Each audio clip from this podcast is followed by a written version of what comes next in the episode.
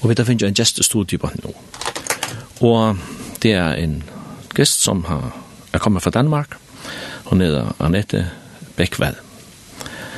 Og hun, kommer, hun er kommet til færgerne i forbindelse med, at hun er landsleder i Agape, Danmark.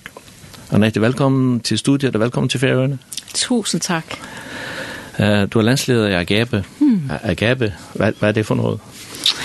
Jamen, Agape er en øh, diakonal folkekirkelig forening i Danmark, der bygger på den evangeliske lutherske grund og øh, udøver diakoni og prøver at give hjælp og inspiration til mennesker, som har det svært, men også udruster mennesker, som ønsker at være der for andre, som har det svært. Og det gør vi så igen. Vi er faktisk syv ansatte i Foreningen af Gabe, og så er der 200 frivillige. Og øh, vi rækker hjælpen igennem dels samtaler med psykologer, altså i forhold til terapi, sjælesorgssamtaler hos sjælesørger, og øh, så holder vi nogle kurser omkring øh, det at Jamen, måske altså hvis man har mistet et barn eller eller man har øh, gerne vil udruste sig i at tale med andre mennesker, så, så man ikke selv fylder så meget i samtalen, og man lytter til den person, som, øh, som har brug for hjælp.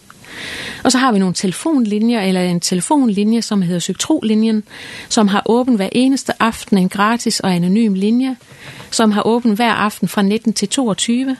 Og det er for mennesker, som øh, altså øh, har en psykisk lidelse eller kæmper på en eller anden måde med psyken og med troen, og så kan man øh, tale med et kristent menneske øh, og lette sit hjerte. Øh, og nogen oplever, at det faktisk er, de har det så svært, at de faktisk ikke har mulighed for at komme i det kristne fællesskab. Og derfor kan man sige, at det at tale med et andet kristen menneske i telefonen, helt anonym, kan være en rigtig stor hjælp. Mm. Og øh, jeg tror, at det er i Silkeborg. Ja. Midt i, midt i Jylland. Det er lige præcis midt i Jylland. Ja, det er det. Men ja. vi rækker ud over hele Danmark. Men det er en landsdækkende forening, ja. Og øh, vores kurser, sjælesårskurser og andre kurser og foredrag, det holder vi i hele landet. Øh, ja. Jeg har kigget på jeres hjemmeside, og ja. jeg kan se, at der er masser af foredrag. Hmm, det er der lige præcis. For eksempel står der her, jeg kan ikke mere hverdagslivet med demens. Det ja. er en udfordring. Ja, præcis. Øh, Hvad sker der med troen, når det ufattelige sker? Det er så en anden. Mm. Øh, øh, kun skyldige kan tilgives. Mm. Altså det, det er meget interessante emner, man mm. I, I tager op. Sådan. Mm. Øh. Altså nogle af de emner, hvis jeg må sige det, altså det er det er jo nogle emner, som vi ligesom kommer på, når vi taler med mennesker og kan høre, hvad er det, der trykker? Hvad er det, hvad er det mennesker har brug for? Og så prøver vi ligesom at holde foredrag og finde nogle foredrag, som vi tror, at kristne har brug for. Og lige sådan skriver artikler og udgiver temablade om de ting.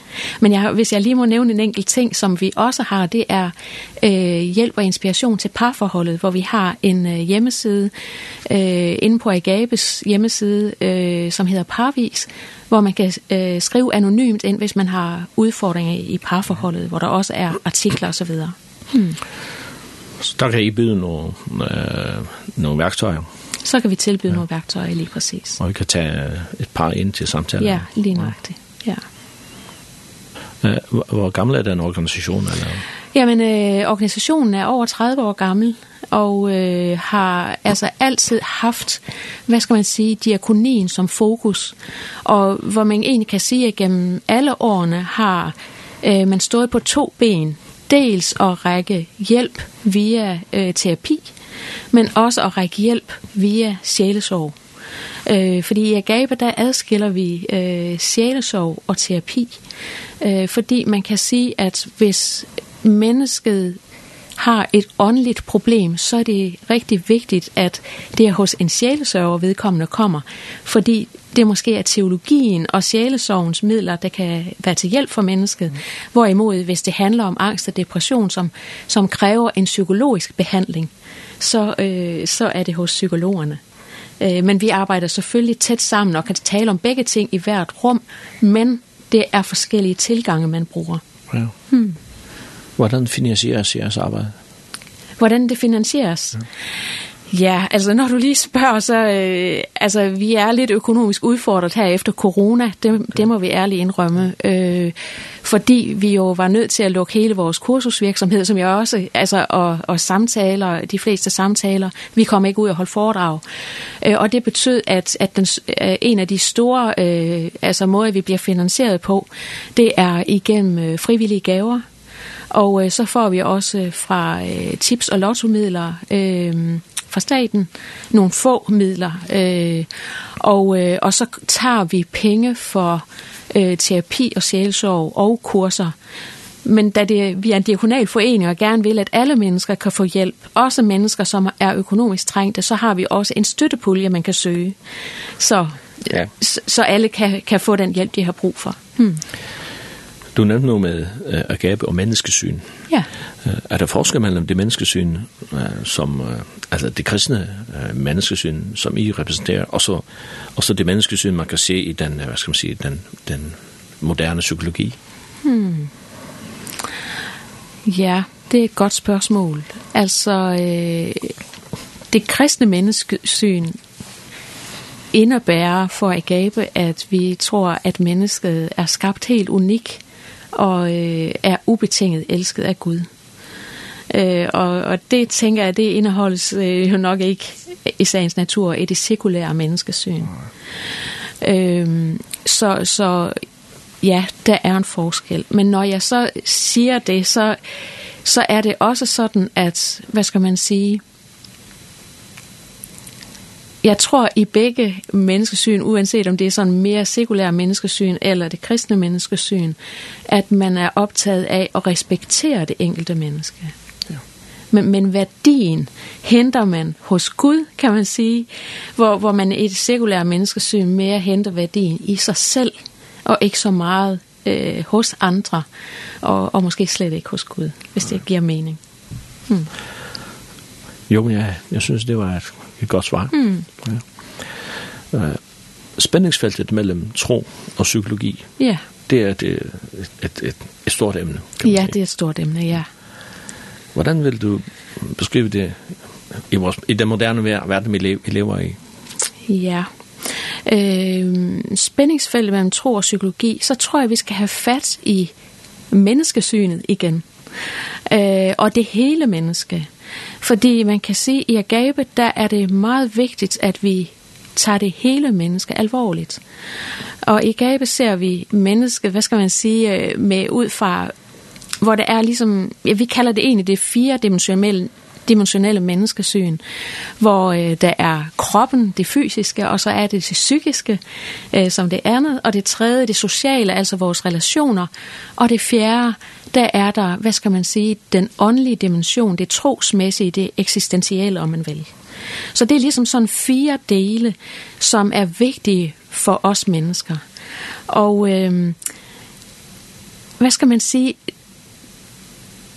spændingsfeltet imellem tro og psykologi, synes jeg, det uenigt udspiller sig godt lige præcis, når man tager det firedimensionale menneskesyn med. Fordi øh, hvis nu jeg har en depression, altså er ramt på psyken, det, altså det ene sted i de fire dimensioner, jamen så påvirker det min fysik.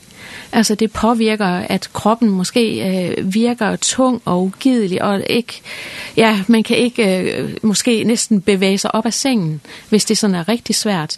Man trækker fra sig fra sine sociale relationer, øh, men det påvirker også relationen til Gud hvis man har en kristen tro, at så kan man måske også opleve, at at man slet ikke kan leve op til, til Gud, og man føler skyld og skam, fordi man ikke kan læse i Bibelen, og, eller høre en prædiken, eller, eller hvad nu det er, man ellers har fundet glæde ved.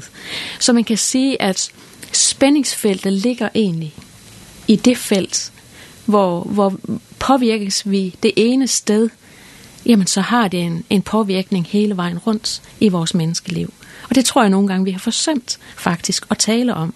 Fordi nogle gange, så kan vi komme til at se på tingene meget, meget isoleret. Øhm, forstået på den måde, at hvis, hvis vi har udfordringer i vores tro, trosliv, så glemmer vi måske at se, det kan måske stamme et andet sted fra, end vores relation til Gud. Giver det mening? Ja. Ja. Du er kommet til ferien blandt andet for at holde i foredrag. Ja. Og jeg kan se på hjemmesiden, at du holder jo mange foredrag. Mm. Det ser meget spændende ud. Mm. Et foredrag, du holder, er, er når Gud vender det, det døve øre til. Ja. Yeah. Og um, det rummelige fællesskab. Ja. Yeah. Og troens betydning i møde med kriser ja. Og så videre. Ja. Det, det lyder... Øh, man kunne godt tænke sig, at jeg hører dem alle sammen. men, men øh, tak det, for det. Det, det er foredrag, du kommer til at holde, mm. det kaldes den usunde skam. Ja. Øh, er det et ønske fra Færøen, at du kommer til at holde præcis det øh, foredrag? Ja, det, øh, det var det. Altså, jeg blev så glad, da jeg blev kontaktet af Gabe på Færøerne, fordi øh, vi har jo før haft, øh, hvad skal man sige, noget samarbejde. Og, øh, og så, øh, jamen, så blev jeg spurgt, om, om der var en fra Agabe i Danmark, der kunne have lyst til at komme. Og det tænkte jeg, nej, det, var, det er godt nok ikke så lang tid siden. Men øh, jeg ryddede simpelthen min kalender, fordi det kunne jeg så godt tænke mig at komme her til Færøerne og møde Agabe Færøerne og det færøske folk og naturen. Øh, og så, øh, jamen, så tilbød jeg, at øh, de kunne ønske, hvad det var for en, en, et foredrag, jeg skulle holde til... Øh, ja, når jeg kom. Og øh, så kom der ret hurtigt svar tilbage, at de rigtig gerne vil høre om den usunde skam. Øh, et tema, som også er hvad skal man sige, et tema, som vi har brug for at snakke om i Danmark. Og jeg tror især også i kristne sammenhænge, hvor øh, vi kan... Jamen, skam er egentlig Jamen ja, det er egentlig øh, et, svær, en svær størrelse. Altså en, der er en skamforsker, der har sagt, at skam er ligesom et stykke vådt sæbe, altså et stykke håndsæbe, som lige så snart man synes, man har fået fat i det, så smutter lige ud af hænderne på en. Eh og sådan er skam, fordi skam på en måde er sprogløs. Eh og nu skal jeg lige passe på ikke at komme til at snakke mig for meget ind, for det er selvfølgelig begrænset tid her, men det er noget af det som jeg skal sige noget om i aften. Hvad er skam? for en størrelse? Hvordan er det, det påvirker det hele menneske? Øh, vores trosliv og vores sociale relationer. Fordi skam er med til at isolere os fra andre. Skam er med til at skjule det, som vi ikke selv synes, der går godt i både vores trosliv og vores menneskeliv og vores sociale relationer. Øh, det kommer til at, at gøre, at vi ligesom kryber mere og mere ind i os selv og, og, kommer til at miste frimodigheden, hvis det er rigtigt for fat. Vi kender, altså vi er alle sammen præget af skam, og jeg er, altså kender det så meget fra mit eget liv, og måske også derfor, at jeg brænder så meget for også at sætte fokus på det. For det er en af vejene ud af skam. Og så til sidste foredrag, så vil jeg også komme ind på, jamen, hvordan kan vi hjælpe hinanden med også at komme ud af skammen. Og der er ikke nogen lette måder, men alligevel sådan nogle få områder, hvor hvad, hvad kan man måske gøre for ikke at være så isoleret i sin egen skam. Mm -hmm. mm. Du kommer også ind på, øh, altså vi lever i et præstationssamfund. Ja. Og, og det her med præstation og skam, det, der er også nogle forbindelser mellem det, er det ikke? Præcis, jo. Tak fordi du lige bringer det på banen. Det er fuldstændig rigtigt. Øh, præstationssamfundet, Og nu ved jeg jo ikke, hvordan det er her på Færøerne. Fordi man kan selvfølgelig ikke bare sammenligne det fra Danmark og til Færøerne. Men jeg tror alligevel, nu har jeg allerede snakket med mange dejlige mennesker, der også har vist mig rundt her på Færøerne. Og det har jo givet mange gode snakker også i bilen. Øh, men jeg kan høre, at der er nogle sammenfald. Øh, blandt andet så er der en øh, rektor fra en professionshøjskole i Danmark, som øh, har undersøgt noget så øh, pudsigt som konfirmationssamtaler. Og han, øh, jeg tror, han øh, var omkring 50 år, og han siger, at til hans egen konfirmation, der holdt hans far en tale på 30 minutter. Og det handlede om, den tale handlede om det at være menneske. Det handlede om politik og samfund. Og så siger den her rektor, men i dag er konfirmationssamtalerne anderledes. Eller, eller, eller nej, øh, altså talerne det er måske både far og mor, der, der siger noget, det er jo så fint. Men 29 minutter handler om, at den unge er helt perfekt og unik og har alle muligheder for sig. Og så er det, han siger, at når man hele tiden får at vide, at man er unik, så er det rigtig svært at fejle og bare være et gennemsnitligt menneske. Og det synes jeg, det er utrolig sigende og også meget sigende for, hvad er det for et samfund, vi som forældre også er med til at skabe for vores børn og unge mennesker. Det er ligesom ikke nok at være et ganske almindeligt menneske. Jeg skal ligesom se ekstra godt ud. Jeg skal ligesom præstere ekstra, tjene lidt ekstra og udnytte alle de muligheder, jeg har. Og det er det ikke ret mange af os, der kan holde til. Øhm, og, og i den sammenhæng, Der kommer skam til at trives, og det er der, det egentlig hænger meget godt sammen med skam og præstationssamfund. Fordi vi kommer til, vi bliver opdraget, og det er ikke kun de unge mennesker, der er præget af skam. Det er vi voksne og modne, helt sikkert også. Og vi kommer til ligesom også at, at opdrage vores unge og børn til også at være, altså gemme de sårbare sider væk. Ja. Hmm. Der er noget, vi kalder projektmennesker i dag det er så... Projektmenneske. Ja, projektmenneske, altså, det arbejder med projekter. Ja, og, præcis. Og, ja. Der er måske nogle forældre, som betragter sine børn som projekter. Oh, ja. Ja, altså... Øh, præcis, og det, det er faktisk et rigtig godt billede, det du siger der, fordi der er jo ingen, der vil det ondt. Men forældre og unge forældre, sådan er det i hvert fald i Danmark, kan jo næsten se det at få børn som et projekt. Det er du helt ret i. Og, og det er jo ikke, altså, altså det er jo simpelthen fordi samfundet også er skruet sådan sammen, at man, man hele tiden synes, at jamen, man vil gøre det allerbedste, fordi min, mit barn skal have de allerbedste betingelser og, og være den bedste i skolen, og skolen støtter også op om det, altså i hvert fald øh, i de ældre årgange. Altså, så det er jo ikke enkelt mennesker, der ligesom har ansvar for det, men, men det er jo en sammenhæng, sådan hele samfundsstrukturen. Øhm, og, og, og bare en lille pussy ting, det er, at øh, jeg kunne se i Kristi Dagblad, at øh, der var en artikel omkring det at være på forældre, som, som næsten bliver et præstationsprojekt i sig selv. Og bare det, når man skal ud og vælge en autostol, så er der i dag i en øh, kæde i Danmark, som hedder Babysam, 250 autostole at vælge mellem. og det kan vi måske godt synes, ej, det var da helt utroligt. Men prøv lige at forestille dig, at man står der som helt unge forældre, og skal have det bedste. Og hvad er det bedste? Så skal jeg til at undersøge selvfølgelig ikke 250, men det siger bare alligevel lidt om alle de forskellige valg, man som forældre står i. Mm. Ja. Uh, Annette, I, I giver også et blad ud. Ja, det gør vi. Det har I gjort i mange år. Ja, det har vi. Uh, jeg har nogle af de blad, jeg giver, ja. og I, I tager nogle temaer op. Ja, det kan være depressioner, mm. det kan være udfordringer i et parforhold og, ja. og så videre og så videre. Mm. Kommer det, kommer det blevet flere gange om året, eller hvordan? Ja, altså, øh, vi har, det er sådan, at øh, fra nu af, så kommer temabladet to gange om året. Og øh, det sidste, og, og vi er jo så heldige, at vi får lov til at sende det her til Færøerne også. Mm -hmm. øh, hvor, sådan som jeg har forstået det, så får øh, øh, medlemmer af, færø, altså af Gabe Færøerne så tilsendt et øh, et dansk temablad.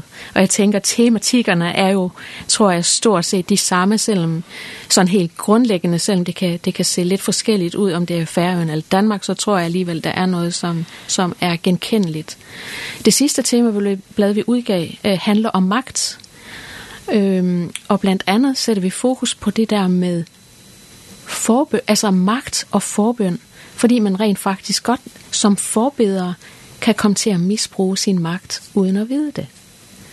Øh, ved det, at man måske synes noget helt bestemt for den, man beder for, og så kommer man til at bede for det i bønnen.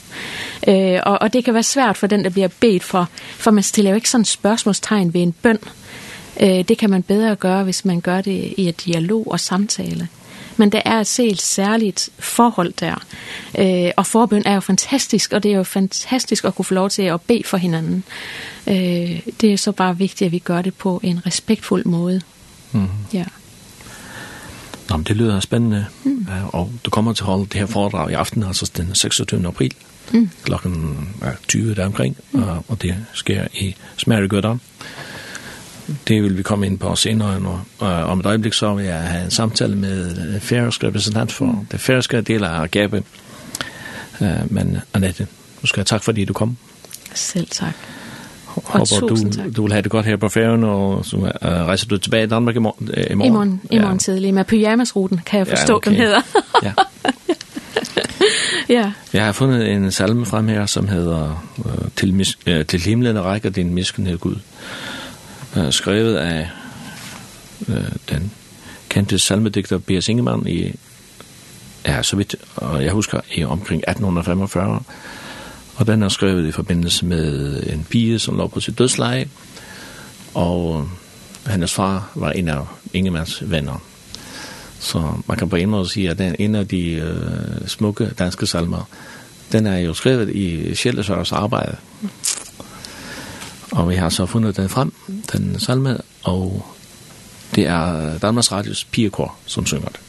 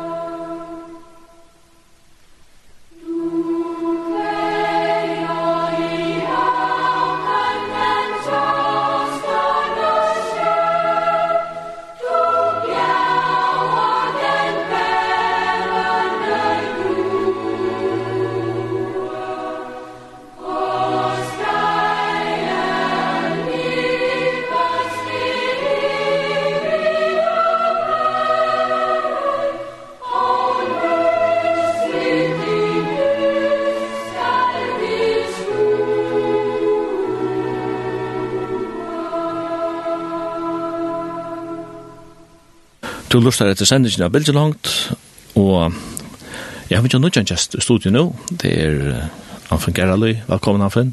Takk for det. Vi tar prata vi Annette, som er landsleier for det danske parten av AKP.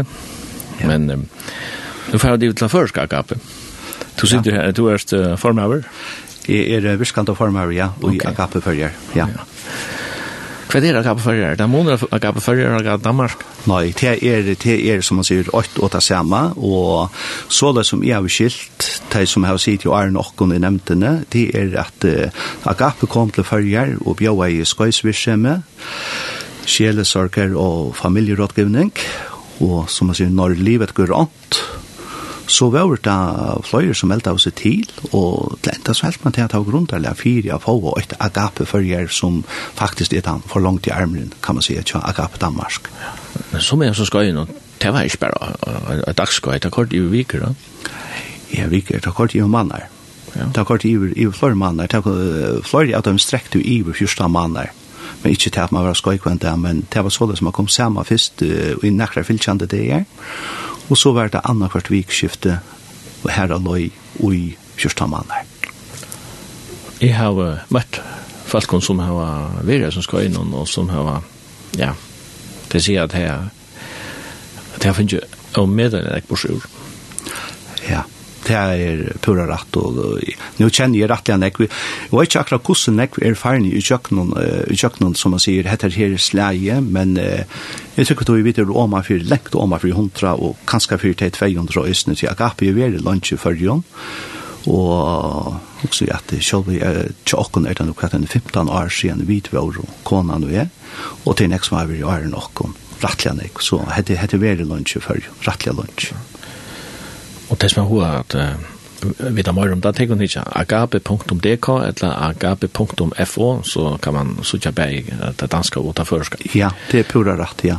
Hvis man finner det føreska hjemme så er det sånn vittnesbord fra folk som forteller, altså hva er det jeg opplever? Ja, det er pura rett, og det har vi rundt lagt ut, og så kan man si at det verre så er ikke nekka nytt kommet ut nå til sørste togene, og det er som man sier, bare på grunn av korona, og det har vært imenska foringer, hvis man kan si det så. Ja, ja man er kjørt så regner det om agapet den sørste togene, men korona har vi ikke lagt noen dempere.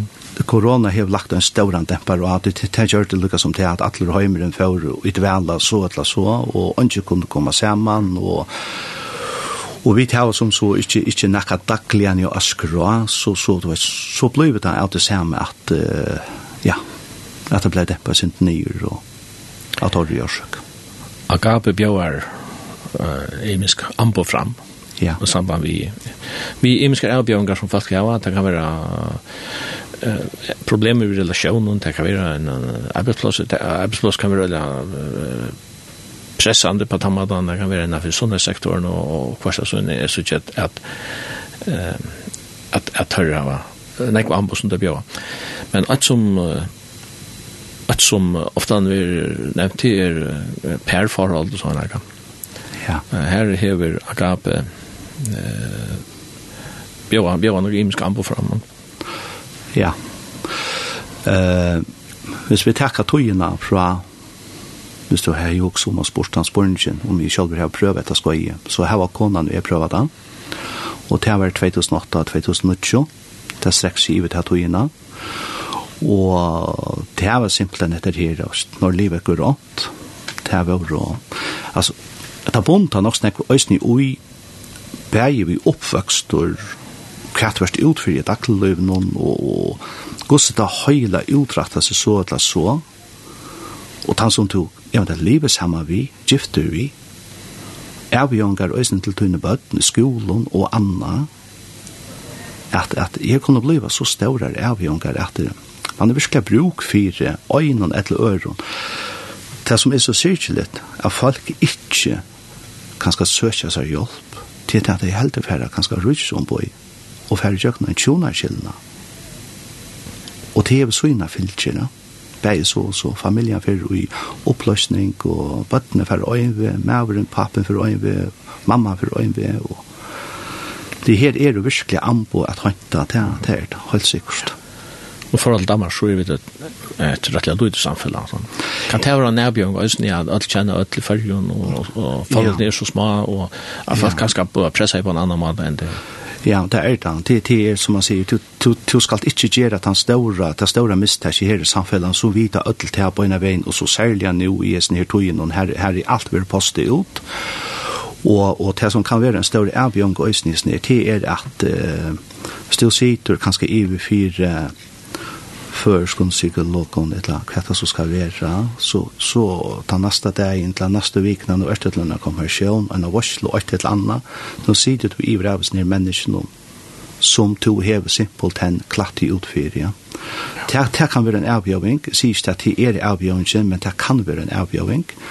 Men da vi har haft disse utländska underviserne, høyme førjen, så, så blir det så, eller så, kanskje sint og mer anonymt. Mhm. Mm Du vet hava nu ikkje så øyla stor interesse i at ånder får innblikk i okkara liv og slett ikkje okkara privat vidskift. Mm.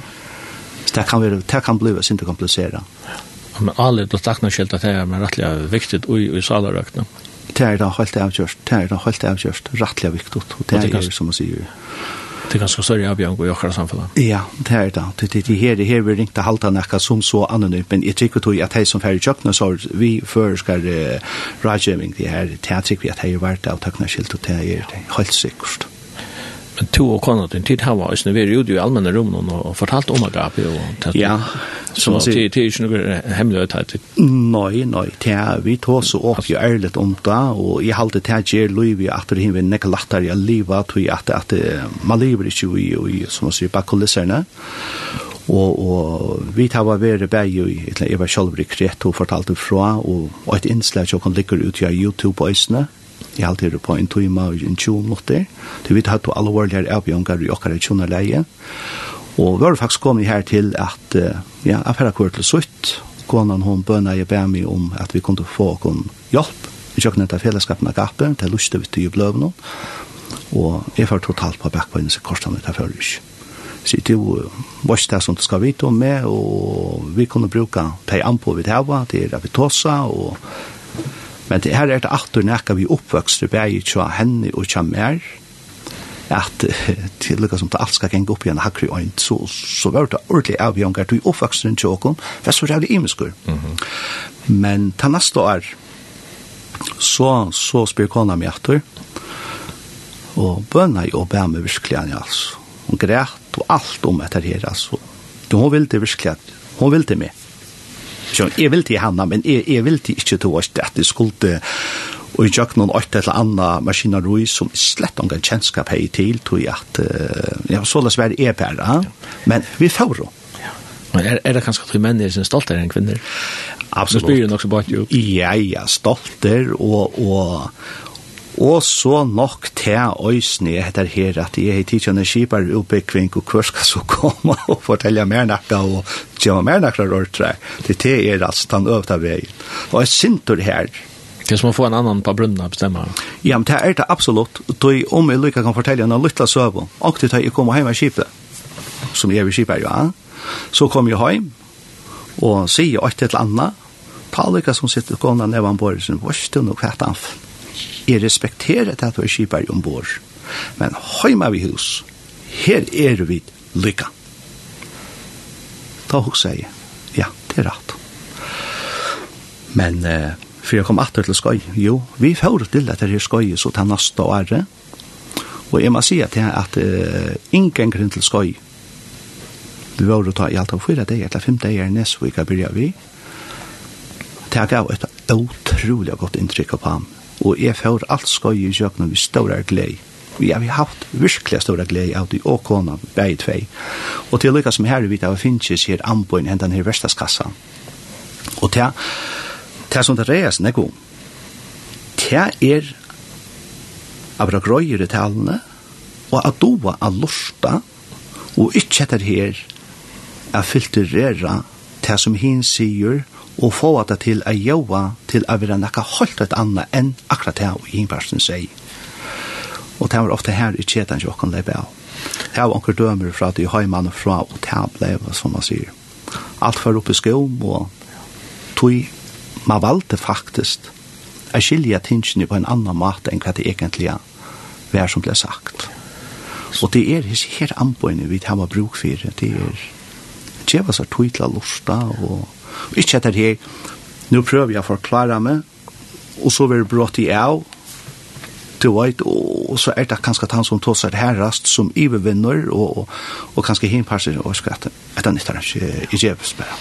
Og da annars snakkar, snakkar så huksar hin mer om kanskje svære atter enn av lustan.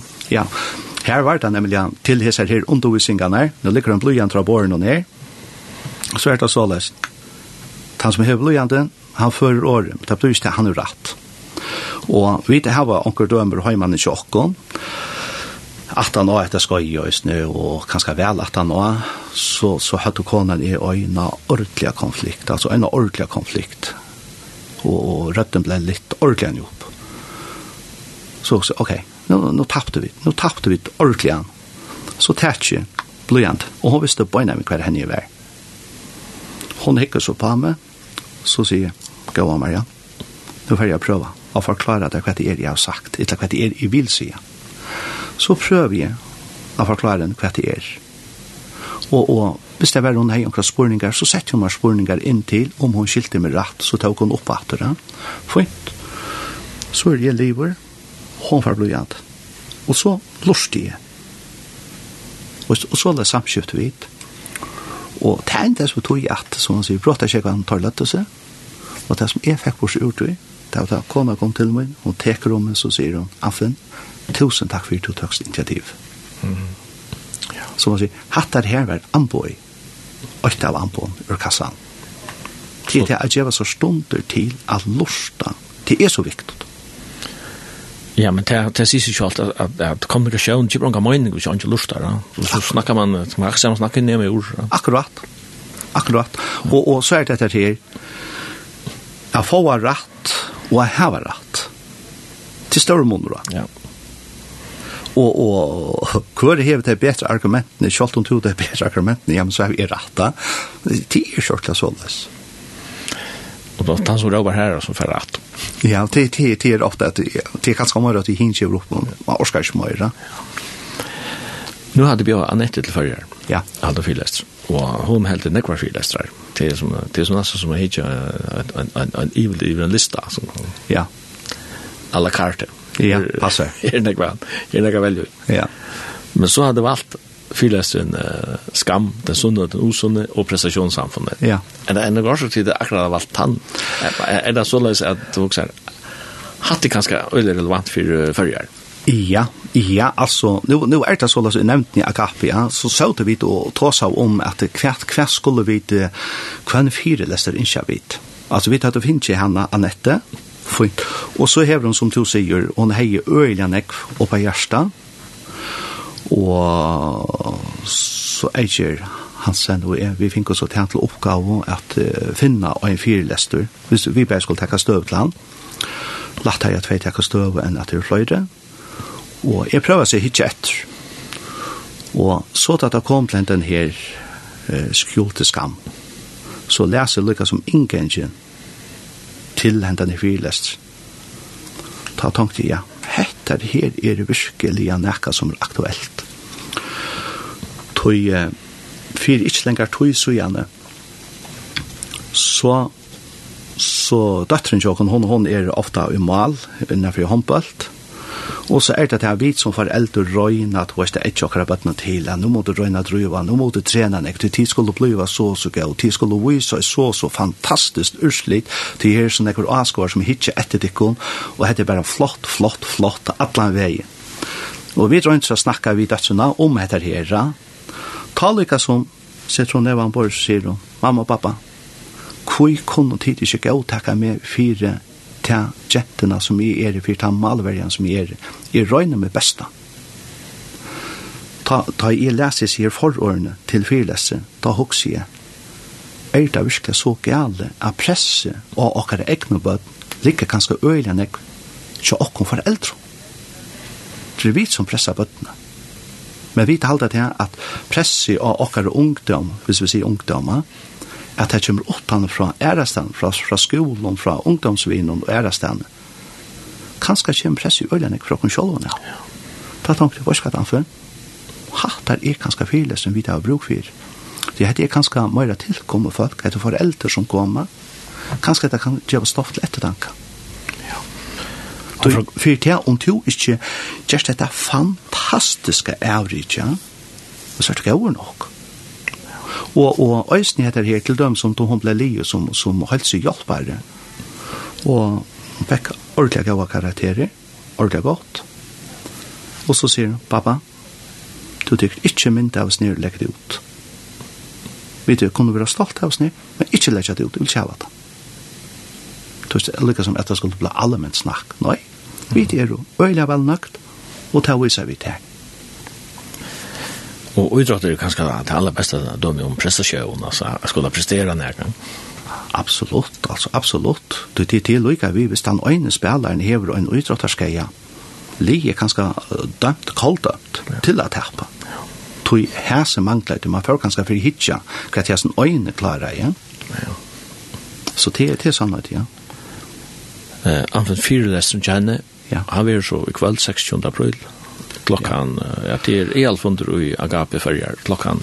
Ja, elfunderen, han börjar klockan 6 og, og han vill så helt en sambart til vi tøkker felagsens.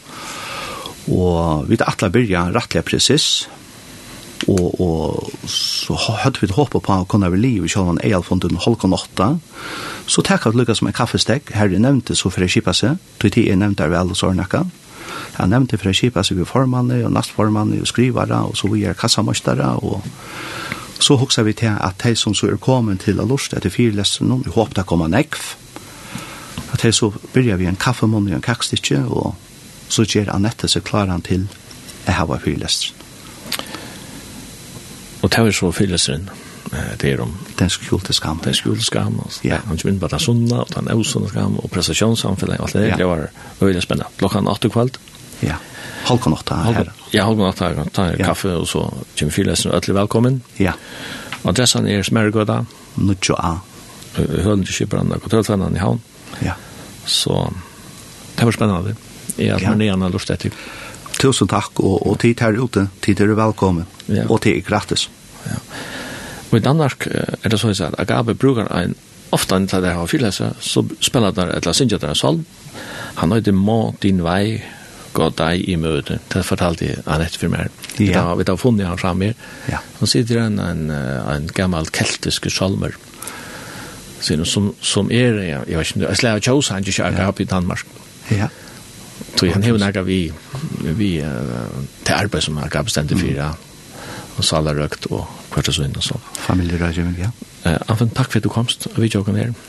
Og så tjås og kveld, og nå får vi til å høre denne salmen, mot din vei, godt, godt deg i møte. Ja, takk for at du kunne komme.